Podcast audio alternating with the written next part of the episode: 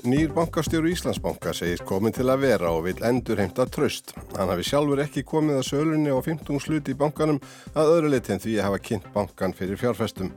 Kveikubanki hefur slitið samruna viðræðum við Íslandsbanka. Stjórn Kveiku telur ekki séu forsendur til að halda samningaviðræðum áfram í ljósi atbyrða síðustu daga. Í apríl seldist aðeins 531 íbúð á landinu öllu. Hagfræðingur húsnæðis og mannvirkjastofnunar segir að það gæti hreinlega verið betra að spara peninga á góðum innlánsvöxtum frekar en að kaupa fastegn. Það stefnir í yllvík átök millir landeganda og sögfjórbænda vegna smölunar á ágangsfjö og vilja bæði innviðaráðunetti og samband íslenskra sveitarfélaga að lög verði endurskoðu sem fyrst. Ráðunetti hefur snúið við leiðbeiningum sínum og beinu því nú til sveitarfélaga að smala ágangsfjö sem gæti reynst bændum dýrt. Og í speklinum eftir fréttir verður rætt um sorpu, ábeldishegðum ungmenna og bann við því að senda breska hælisleitindur til Rúanda. Jón Guðni Ómarsson, nýr bankastjóri Íslandsbanka, segir að bankin sé sammála því að rétt sé að slíta viðræðum við kviku á þessum tímapunkti. Hann sver af sér að hafa tekið þátt í undirbúningi eða framkvæmd á sölu hlut ríkisins í bankarum og segist komin til að vera. Þetta er alltaf mjög kræfjandi tímar. Við þurfum bara að henda okkur í okkar daglegu störf og hérna einbinda okkur að sinna okkar viðskiptaunum eins vel og við getum segir Jón Guðni Ómarsson nýr bankastjóri Íslandsbanka. Hann tók við stuðunni í gerðmorgun eftir að Byrna Einarstóttir let af störfum eftir umræðu um söluna á hlut ríkisins í bankanum og sátt hans við Sæðlabanka Íslands. Hann segir forgangsatriða endur heimta tröst á bankanum. Ja, fyrsta lagi þurfum við að henda okkur í það að hérna, innlega þessar breytingar sem að farið fram á í samkomlæginu við Sæðlabankan og það er einhverju breytingar sem félast í því. Eh, aðra breytingar er eitthvað sem ég mun alltaf bara skoða í framhaldinu og hérna, alltaf breytingar með nýju fólki en hérna, það bara mun komið ljós. Jón Guðni hefur starfað fyrir bankan í um tvo áratögi nú síðast sem fjármálastjóri. Hann segist þó ekki hafa átt þátt í útbúðinni á hlutum ríkisins í bankanum.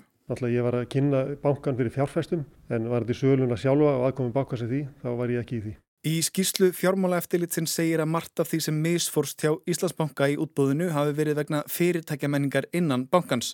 Jón tilur að menningin innan bankans sé góð á flestum sviðum, stemmingin sé þó þung þessa dagana. Það er náttúrulega mikið áfall fyrir starfsmenn og einhverju viðskiptavinni líka. Eh, það er eitthvað sem við bara tökum eh, mjög alvarlega og tekum tíma til að, hérna, að taka á en hérna, það er bara verkefni framöndan sagði Jón Guðni Ómarsson Pétur Magnússon tók saman og Kvikabanki hefur slitið samruna viðraðum við Íslandsbanka en þær höfðu staðið yfir undan farna mánuði. Í tilkynningu til Kaupallar segir að þið ljósi atbyrðið á síðustu daga og þess að fyrir síð sé að bóðað verið til hlutafundar hjá Íslandsbanka og mögulegs stjórnarkjörs telli stjórn Kviku ekki forsendur til að halda viðraðum áfram er þar verið að vísa í brot Íslandsbanka við sölu á fjórðunslutríkisins í bankanum eða tæplega það. Karlmaður á þrítúsaldri sem handtekinn var vegna rannsóknar á andláti Karlmanns á skemmtistæði miðborgar Reykjavíkur um helgina er laus úr haldi. Lauregla fór ekki fram á áframhaldandi gæsluvarhaldi við manninum sem rann út í dag. Í tilkynningu Laureglu segir að rannsók miði vel. Lauregla telur sig hafa skýra mynd af þeirri atbyrðarás sem leiti til dauða mannsins sem var frá Litáin. Afkoma þess sem setið hefur í gesluvarhaldi er hins vegar ekki talin uppvilla skilirði laga um meðferð sakamála og því sé krafa um gesluvarhald á grundvelli almannahagsmunna ekki til staðar. Madurinn hefur hins vegar áfram réttastöðu sakbornings við rannsók málsins. En hægir á fastegnamarkaði og í april seldust aðeins 531 íbúð á landinu öllu.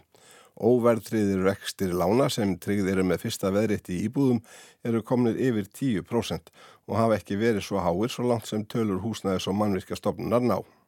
Þessar upplýsingar koma fram í mánuðaskíslu húsnæðis og mannvirkjastofnunar. Þar segir einnig að reyn ný íbúalán til heimila haldi áfram að dragast saman og námu þau tæpum 3 miljardum króna í april en voru rúmlega 8 í mass. Hafa þau ekki verið svo lítil á núverandi verðlægi síðan í april 2014. Kári S. Fridriksson er hagfræðingur hjá húsnæðis og mannverkjastofnun. Þetta bara segir okkur að, að Sæðalabókjum verið að þetta aldrei vel á bremsuna til, í baratusunni við verðbólguna og fyrir vikið þá eru vextir áverðri og lánum verið orðnandi að háir að það eru fáir sem að ná að fjármákla íbáðakaupa miklu leiti alfarið á óverðri lánum. Flestir íbúðakaupundur verði því að halla sér að verðtriðum lánum. Kári segir augljóst að nú séu færri fyrstu kaupundur en áður.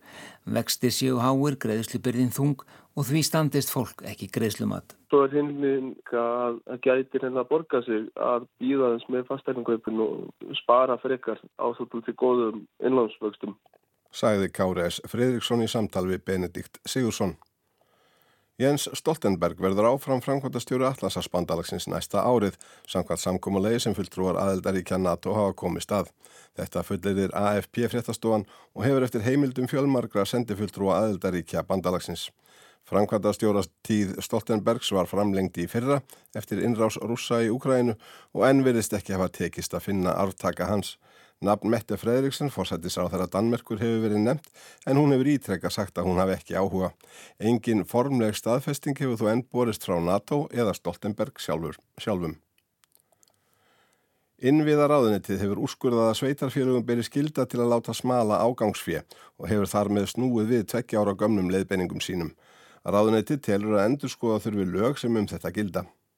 Landeigendur hafa sumir þurft að þóla ágang frá söðfje og dæmi um að kindur valdi tjóni á gróðuri og skórækt. Bændur eru hins vegar sumir í erfiðri stöðu eins og til dæmis á söður fjörðum austfjörða þar sem er engin afrétt og fjö fer á milli jarða um fjallaskorð sem erfitt er að girða. Málið hófst þegar landeigendur í Snæfellsbæ vildu losna við söðfje og töldu lagaheimild til að sveitarfélög letu smala ágangsfje á kostnað bænda. Sveitarfélagið hafnaði því þar sem nýri lög um búfjárhald heimiluðu landegendum að friða afgirt land og það hafði ekki veið gert í þessu tilviki. Landegendur kerðu málið til innviðaráðnættisins sem gaf út leiðbenningar um að landið þyrti að vera friðað með þessum hætti til að sveitarfélag þyrtu að smala. Umbóðsmaður alþingis var á annari skoðun. Eldri lög um skildu sveitarfélags til að láta smala ágangsfje gildu og háð heimil til að friða. Innviðaráðunitið hefur nú felt eldri leðbenningar sínar frá 2021 úr gildi og gefið út nýjar sem segja að sveitarfélögum berið að gera ráðstafanir til að smala ágangsfið. Ráðunitið segir í álitið sínu að sveitarfélög þurfi þó að móta sér verklagsreglur og í umsögn Snæfellsbæjar kemur fram að óljóst sé hvernig eigi að standa að málum, meðal annars hvað teljist verulegur ágangur og hvort eðlilegt sé að smala alla daga ef söðfjög kemur daglega. Þetta getur orðið allmikið mál. Ráðuneytið telur að endur skoða þurfi lögin og undir það tekur samband íslenskra sveitarfélaga enda viðbúið að enn frekari árækstarverði vegna þess hver vann búin lögin séu. Þau þurfi að endur skoða áður en málið fari úr böndunum með tilherandi kostnaði og deilum á milli landeganda og bænda víða um land. Rúnarsnæði Reynisson sæði frá. Reykjavíkuborg tapaði næri fjórum miljardum króna á fyrsta ársfjórðingi þessa ás samkvæmt rekstra uppgjöri að hluta borgarsjóðs sem lagt var fram í borgaráði dag. Rekstra niðurstaðan er 1,8 miljardum verri en áallar var. Í tilkynningu frá borginni segir að það skýrist engum af hærri fjármarsgjöldum sökum verðbólgu og að kostnaður við snjómokstur hafi verið næri 600 miljónum yfir fjárheimildum vegna snjóþingsla á fyrstu þremur mánuðum ársins.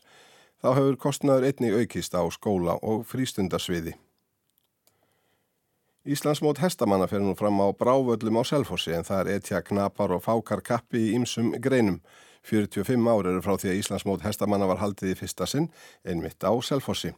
Hestamennska er fjölbreytt og rúmar alla, segir Hekla Katarína Kristinsdóttir, landslis þjálfari í greininni. Þetta er náttúrulega sameinar allt. Þetta sameinar útiveru, samveru með óbúslega góðu og skemmtilegu dýri og hérna heilsusamlegt myndi ég að segja. Þannig að já, hér eru margir áhagmenn sem eru náttúrulega í þessu hér, í þessu keppnistandi og svo er það útreða fólkið og þetta bara rúmar alla sko. Sagði hekla Katarína Kristinsdóttir. Forsvarsmenn Sorpu greindu frá því á dögunum að stemt sé að því að flyti alltaf 43.000 tonn af brennanlegu sorpi til svíþjóðar á ári hverju. Speillin spurði Gunnar Dófra Ólafsson, samskipta og viðskipta þróunarstjóra Sorpu, hvers vegna? Þetta er svona ryggjarst ekki í því sem við erum að gera til að draga úr urðun. Af því fram til þessa hefur þessi úrgangur, þessi 43.000 tonn og því miður miklu meira verið urðað. Þannig að til þess að, til þess að hætta að urða þá þurfum við að finna aðra farvegi. Og það að flytja þetta til orkuvinnslu erlendis er íllskárri kostur heldur en urðun. Ef við horfum á hins svo kallaða úrgangsstríherning sem er svona forgangsröðun í úrgangsmálum að þá er urðun neðst í forgangsröðun. Hún er það versta sem við getum gert við úrgang og það er förgun. Það að flytja úrgang til brennslu þá setur hann í endur nýtingarflokk sem er næsta þrepp fyrir ofanförgun og er skárri kostur heldur en urðunir. Þótt urðun sé síst í kosturinn og reglur um hana hafi verið hertar verulega, þarf áfram að urða úrgang. Samkominlag eigenda sorpu gerir að fyrir að urðun verði hætt í álsnesi um áramóti næstu og leita nýjum urðunarstað hefur enn engan árangur borið. Svo leit stendur yfir og, og það hefur svona, og þessi útflutningur á öllu þessu magna úrgangi sem við erum að fara í núna, hann er frekar til þess fallin að liðka fyrir því samtali. Af því þegar, þegar Sorpa talar um nýjan urðunastað þá hugsa fólk sko urðunastað sem getur tekið við 100.000 tónnum á ári. Og það er, það er meiri háttar, háttar aðgerð með, með miklum, miklu raski og kostnaði. Hins vegar þegar, þegar urðunastaður er farin að taka við sko örfáum, örfáum þúsundum tonna, einhverjum tugum þúsunda kannski þá er það í rauninni allt annað samtal. Það tekur 5-7 ára koma nýjum urðunastæði gagnið og ljósta neyðar ástand blasir við ef urðun verður alveg hætti álsnesi um áramót. Útflutningurinn sem á að hefjast í haust mingar þennan vanda umtalsvert og unnið er að því að finna lausn á því sem útaf stendur. Það er fyrst og fremst hort til þess, segir Gunnar, að leita heimildar til að halda áfram að urða það í álsnesi sem hvorki verður flutt út nýja tekið til vinslu í gæju, þó með mun strángari skilirum en hinga til. Viðræður um þetta standa yfir milli sveitarstjórna eigenda sorpu. Bygging, gas og jarðgerastöðvarinnar gæju var mikilvægu liður í minkun urðunar. Rekstur hennar gekk nokkuð brösulega framanaf, ekki síst moltuframneslan, því moltan frá stöðinni reyndist ónótæg vegna plastmengunar. Þetta hefur lagast, segir Gunnar. Gæja er, hún er öll að bregast og það er, það er ótrúlega mikilvægt að við horfum á gæju sem loftslagsverkefni. Þegar hún er sett í samhengi við, við loftslagsmál þá er þetta sennilega stærsta loftslagsverkefni sem hefur verið ráðist í á höfuborgarsvæðinu síðan að heitt vatn var lagt í hús til að skipta út olí og kólakendingu losun frá urðunastað sorpu í koldvísýringseiningum talið er um það byrju 100.000 tonn. Þetta er næst stæsti losunapostur höfuborgarsvæðisins á eftir samgöngum. Þannig að við það að taka matarleifar og lífrannan úrgang og vinna þær í styrðuð innæðaferli eins og við höfum verið að gera í gæju frá því í ágúst 2020 og þar er lífræðin úrgangur tekin og úr honum kreist alltaf gas sem að hægt er að vinna, sem að er þessi skadvaldur, metangasið og því er komið í vinnu á faratækjum og í yðnaði og núna þegar sérsöfnin og matarleifum hefst sem er bara, við erum að innlega það akkurat núna, þegar þeirri innleðingu í loki, þá verður gæi að koma með reynt ráefni og reynt ráefni er forsenda þess að geta búið til reyna moltu. Og talandi um skadvaldin metangas, þá er hann um leið afar vistvært orkugjafi sem framleitur er úr lífrænum úrgangi bæði í gæju og urðunarhaugnum í Álsnesi. Í svari við fyrirspurt metannótanda sem rétt er að upplýsa er nátengdur umsunamanni frá því í massi fyrra segir Dovri að Sorpa gerir ráð fyrir að frambóða metani fyrir fólksbíla verði meiri en eftirspurt til frambúðar. Svo hefur þú ekki verið raunin að undanförnum og hafa metanbíla eigendur og ég get votta það sem eitt slíkur þurft að þvælast á milli þeirra allt og fáu stöðva sem selja þetta vistvæna elsniti upp á von og óvon og ósjaldan komið að tómum töngunum og gera enn. Hvað veldur? Það, það er kannski ljótt að tala um þetta sem luxusvandamál í eiru metanbíla eigenda. Uh, staðan er hins vegar svo að sala á metani í, hefur aldrei verið meiri hjá sorp. Við höfum aldrei afhengt meira metangas. Eftirspurnin hefur hins vegar aukist umfram frambóð á, á þessum tíma. Það hefur meðal annars stafað að því að gæja hefur ekki náða framleiða jafn mikið og vonið stóðu til. Það stendur til bóta með meira magni og við höfum núna grepið til þess að ráðs að fá allt fá allan slátt, allt gras sem fellur til á höfuborgarsvæðinu núni í sömar inn í gæju, að því gras inni heldur metangas þannig við erum að auka framleiðslu í gæju eins og við getum. Við boruðum hólur í urðunarhaugin, þetta er svona eins og ef þú bara borar eftir ólíu til að sapna gasinu. Þær hólur reyndust ekki jafn gjöfular og við gerðum ráðferir. Við erum hins vegar að fara í gang með borun á 70 hólum í viðbót í nýjasta hluta urðunar staðarins, í nýjasta urðunarhaugin sem bara verið að loka núna. Þar gerum við ráð fyrir að framlegsla verði mjög mikil. Við þetta bætist mikil fjölgun stórra og orkufrekra metanbíla upp á síðkastið sem hafi valdið tímabundnum frambóðsvanda eins og Gunnar orða það. Hann segir að síðustu vikuna og jafnvel tvær hafi það þó ekki verið sorpuð að kenna ef ekki hefur fengist metan á fólksbíla. Og ef það eru einhver, einhverjum hnökrar í því þá kann það að vera vegna bílana á, á stöðunum sjálfum og gæðin, gasgæðin mitt, þau eru, þau eru að jafna þig 95% hrein hjá sorpu. Þetta hefur farið niður í 88 og í einstaklega slæðist örlítið niður fyrir 88%, er komið í 92 síðastegi gáðið. Þessi síðasta fullurðing stangast á við reynslu metanbílaegenda. Gasgæða mælar í nýlugum metanbílum sem eru vissunlega ekki jafn nákvæmur og mælar sorpu síndu til skamstíma 90-100% hreinleika að jafnaði en aðeins 70-80% síðustu vikurnar. Við þetta bætist að meira magn hefur komist á tankana á sama tíma og drækni bílana hefur minkað sem þýðir að fólk er að borga meira fyrir minni orku og rýmar þetta vel við gæða mælingar bílana. Gunnar segist engar skýringar kunna á þessu misræmi en að sorpa standi við sínar mælingar sem séu framkvæmdar á kortes fresti í gashreinsi stöðinni. Í dag báru svo frettir af því að eftirlistofnun EFTA hafi komist að þeirri niðurstöðu að sorpu berið að greiða tekjuskatt af hagnaði sínum af þeim hlutastarseminnar sem er í beitni samkeppni við engaðila og það á óneitanlega við stærsta hluta hennar. Þá hefur eigendur eða aðila byggðarsamlagsins stundum greint á um ímins mál varðandi rekstur þess og áherslur. Þótt sáttin hafi verið góð og mikil meðal eigendana að undanförnu þess að gunnars. En er byggðarsamlag heppilegasta rekstaformið á fyrirtæki eins og sorpu. Einn kostur við það hefur einmitt verið þetta að, að sorpa er í rauninni svona í grunninn álitin sveitafélag. Byggðarsamlag er bara sveitafélag að koma sér saman um að rekka eitthvað í sammenningu. Það er hins vegar alveg spurning hvort að byggðarsamlagsformið sé hendugasta formið fyrir rekstur einingar eins og sorpu og þetta er eitthvað sem að, sem að eigendur þurfa að ávarpa og, og, og velta upp í þessu samíki.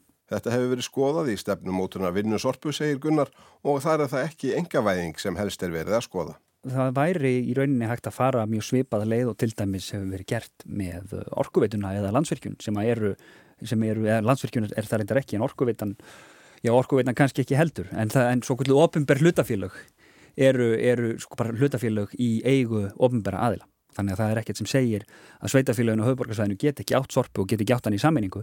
Það er bara spurning hvort þú vilji gera það sem byggðarsamlega ekki. Sæði Gunnar Dófri Ólafsson.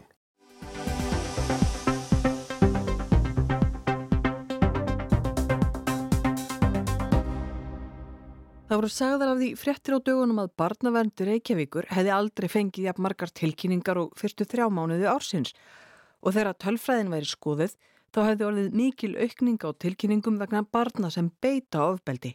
Bara á fyrstu þremur mánuðum ársins höfðu borist tæplega 100 tilkynningar um ofbeldishegðun barna og reglulega sjást fyrirsagnir af áhugjumanna af vopnaburði unglinga. Speillin óskaði eftir tölfræði um vopnaburð unglinga en lögreglan hefur áhugjur af því að tölfræðin geti gefið skakka mynd. Agnes Æta Kristina Dóttir er aðstóðar yfir lögreglu þjóttna og stöð fjögur á Vínlandsleið í Gravarholti.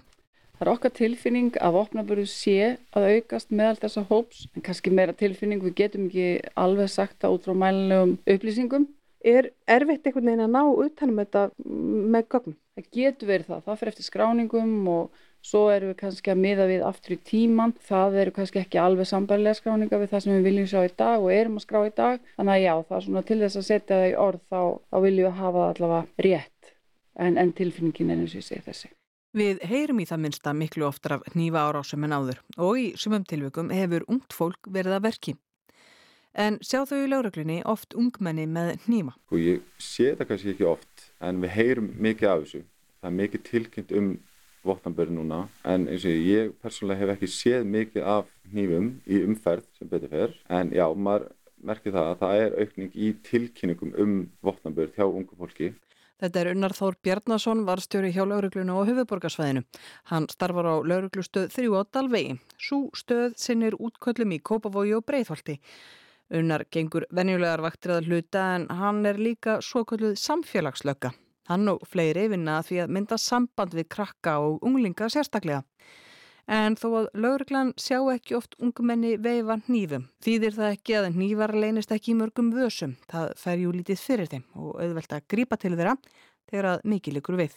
Það sem við höfum verið að gera núna síðustu ár er að við höfum verið að hitta unga fólki okkar sem við erum að þjóna og við erum að reyna að tengjast þeim og við erum að reyna að hvetja þau til þess að leita til okkar frekar en að taka málinni sína í innhendur og svona undanfarið, svona kannski síðasta árið höfum við verið að leggja miklu áherslu á það að hafa samband, við erum að leggja áherslu á alvarleika þess að vera með nýf á sér og hvað getur gerst. Við erum bara að tala um við þau á mannlegu nótunum, bara að reynda að útskýra fyrir þeim hvað getur gerst ef þú ert tekinn með nýf, hvort þú sést orðin sakhæfur eða ekki, það sé alveg alvarlegt. Það er bara að tækla kannski örlítið öðruvísi þú ert orðin 15 og ert gripið með nýf á þér. En af hverju ganga sömur unglingar með nýf á sér? Er þetta töffragangur til að þykjast vera stór kall? Eða eru þau hrætt og telja sig þurfa að verja sig?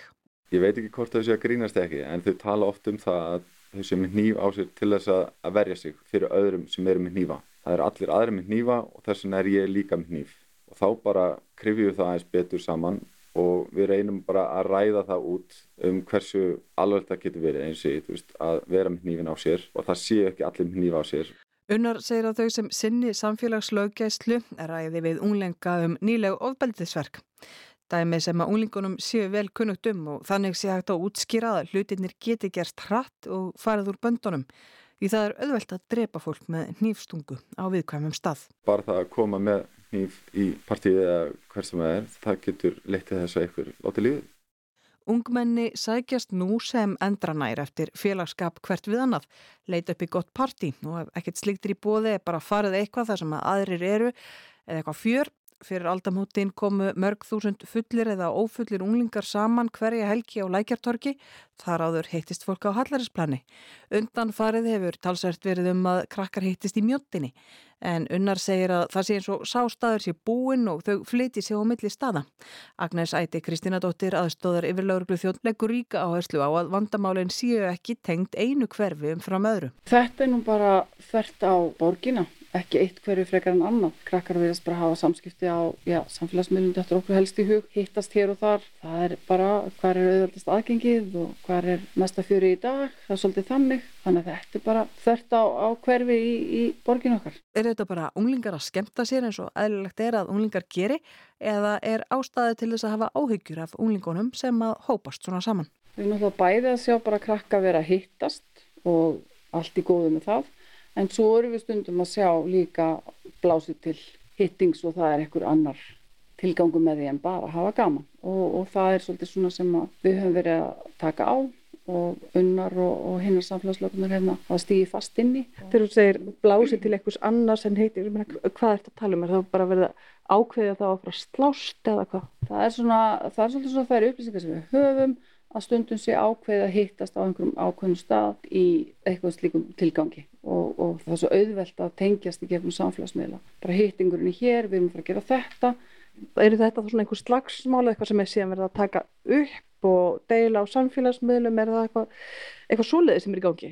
Við erum náttúrulega séð talsvægt mikið af myndböndum sem er deilt á samfélagsmiðlum þar sem verið er að berja einhvern, miðla einhvern, slá einhvern orðfærið eitthvað slíkt og þegar það er þá tökum við þau myndbönd og, og reynum að finna út hverju í hlut og kalla til bæði fólendur og gerendur og barnavend og fóreldra og fara yfir þetta því að það eru líka þeir sem eru að taka upp og þeir sem eru viðstættir. Okkur finnst það kannski flokkast sem gerendur líka í staðan fyrir að taka upp þá ættum mann að ringi 112 og byggja um aðstof því að það er að eiga sér stað líkamsára sem getur farið bara mjög illa. En það er mjög mikilvægt að komi fram að stærstu hluti unga fólksins okkar er bara gríðalega flott fólk og, og það eru þau náttúrulega öll sem vil misa bara kannski hvað þau eru stött og sem eigi meiri erfleikum en aðrir og það er önnur og, og það er, er hópurinn sem við viljum ná til líka. Unnar Þór Bjarnason varstjóri segir að farið hafi verið í samfélagslaugrugluverkarnið árið 2019 vegna þess að þeim fannst hafa myndast bíl á milli lauruglu og borgara.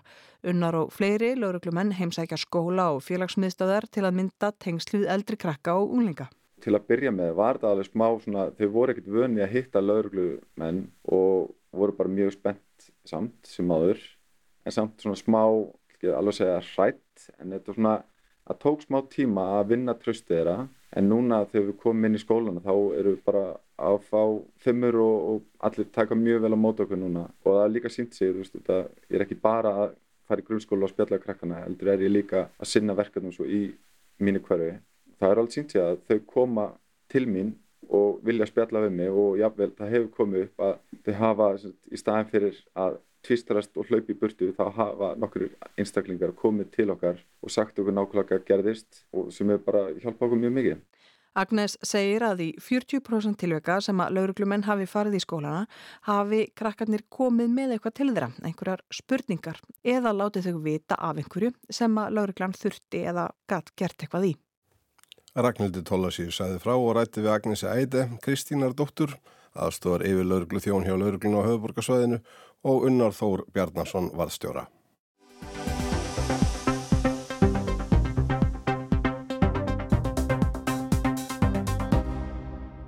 Á fríunardómstól í Breitlandi komst í daga þeirri niðurstöðu að stjórnvöldum þar í landi væri óheimilt að senda hælisleitendur til Rúanda í Afríku þar sem það ógnaði öryggið þeirra. Með þessu sneri dómstólinn við niðurstöðu undirréttar eins og Börnett Lávarður fórseti réttarins greindi frá í morgun. The result is that the High Court's decision that Rwanda was a safe third country is reversed and that unless and until the deficiencies in its asylum processes are corrected removal of asylum seekers to Rwanda will be unlawful. Nýðurstaðin er svo að ákvörðun en eðra domstiks um að Rwanda sé örugt þriðja land er snúið við. Þar til ástandið hefur batnað er ólagulegt að flytja hælisleitendur til Rwanda, saði domsforsetin. Tíu hælisleitendur frá Sýrlandi, Írak, Albaníu og fleiri landum og mannréttindasamtökin Asylum 1 áfríðu niðurstöðu undir réttar. Þrýr dómarar tókum álið til meðferðar. Tveir komust að þeirri niðurstöðu að ekki væri óhætt að senda hælisleitendur til Rúanda. Hætta væri á að þaðan eru þeir sendir heim þar sem þeirra byðu ofsóknir og ómannúðleg meðferð. Sá þriði, Börnett Lávarður, fórseti réttarins, taldi að niðurstaða undir réttar ætti að standa. Uppaf þessa máls er að í fyrra vor tilkynnti Boris Johnson, þáverandi fórsætisráþurra, að hann hefði ákveðið að senda stóran hluta þeirra sem sækjast eftir hæli í Breitlandi til Rwanda. Landið væri ettið örugasta í heimi og þar ætti eftir að fara vel um fólkið. Með þessu áformuðu stjórnvald að koma í vekk fyrir að fólk legði á sig lífshættulega för frá Fraklandi yfir Ermasund á smá kænum til að komast ólögulega til Bretlands. Áformin vöktu blendnar tilfinningar víða. Stjórnaranstæðingar í verkamannafloknum sögðu að áallunin væri ekki einungis kostnaðursum, heldur væri hún einnig siðferðislega raung. Hjálpar samtök tóku í sama streng og það gerði einni Filippo Grandi, yfirmaður flottamannastofnunar saminuðu þjóðana. The precedent that this creates is catastrophic for a concept that needs to be shared like asylum. Fordamið sem þessi ákvörðun setur er skelvileg fyrir þá almennu hugmynd að eh, fólk eigi rétt á að leita hælis, saði Grandi. Vissulega væri það göfugt markmið að koma í vekk fyrir að fólk legði hættulegar siglingar til að flýja ástandið heima fyrir. Betri leiðir væru til og brettar væru í rauninni að varpa ábyrðinni á herðar annara.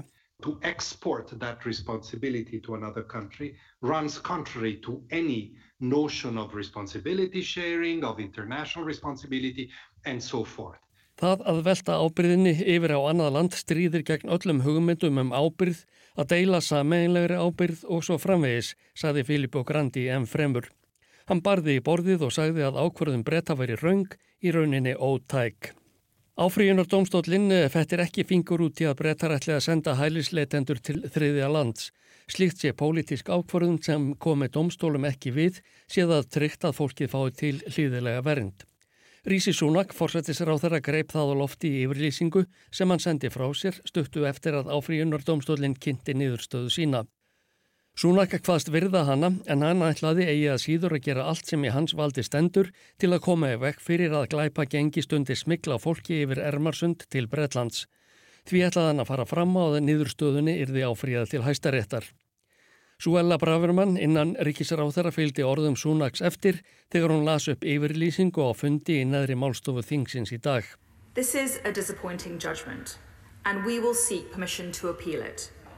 We hope that the process will be swift. Þessi niðurstaða veldur vonbreyðum, saði hún.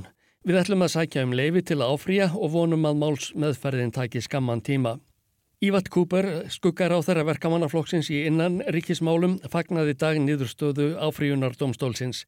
Stefna íhaldsflokksins í málefnum hælisleitenda væri algjörlega óraunhæf, óframkvamanleg, siðlaus og dæmalus.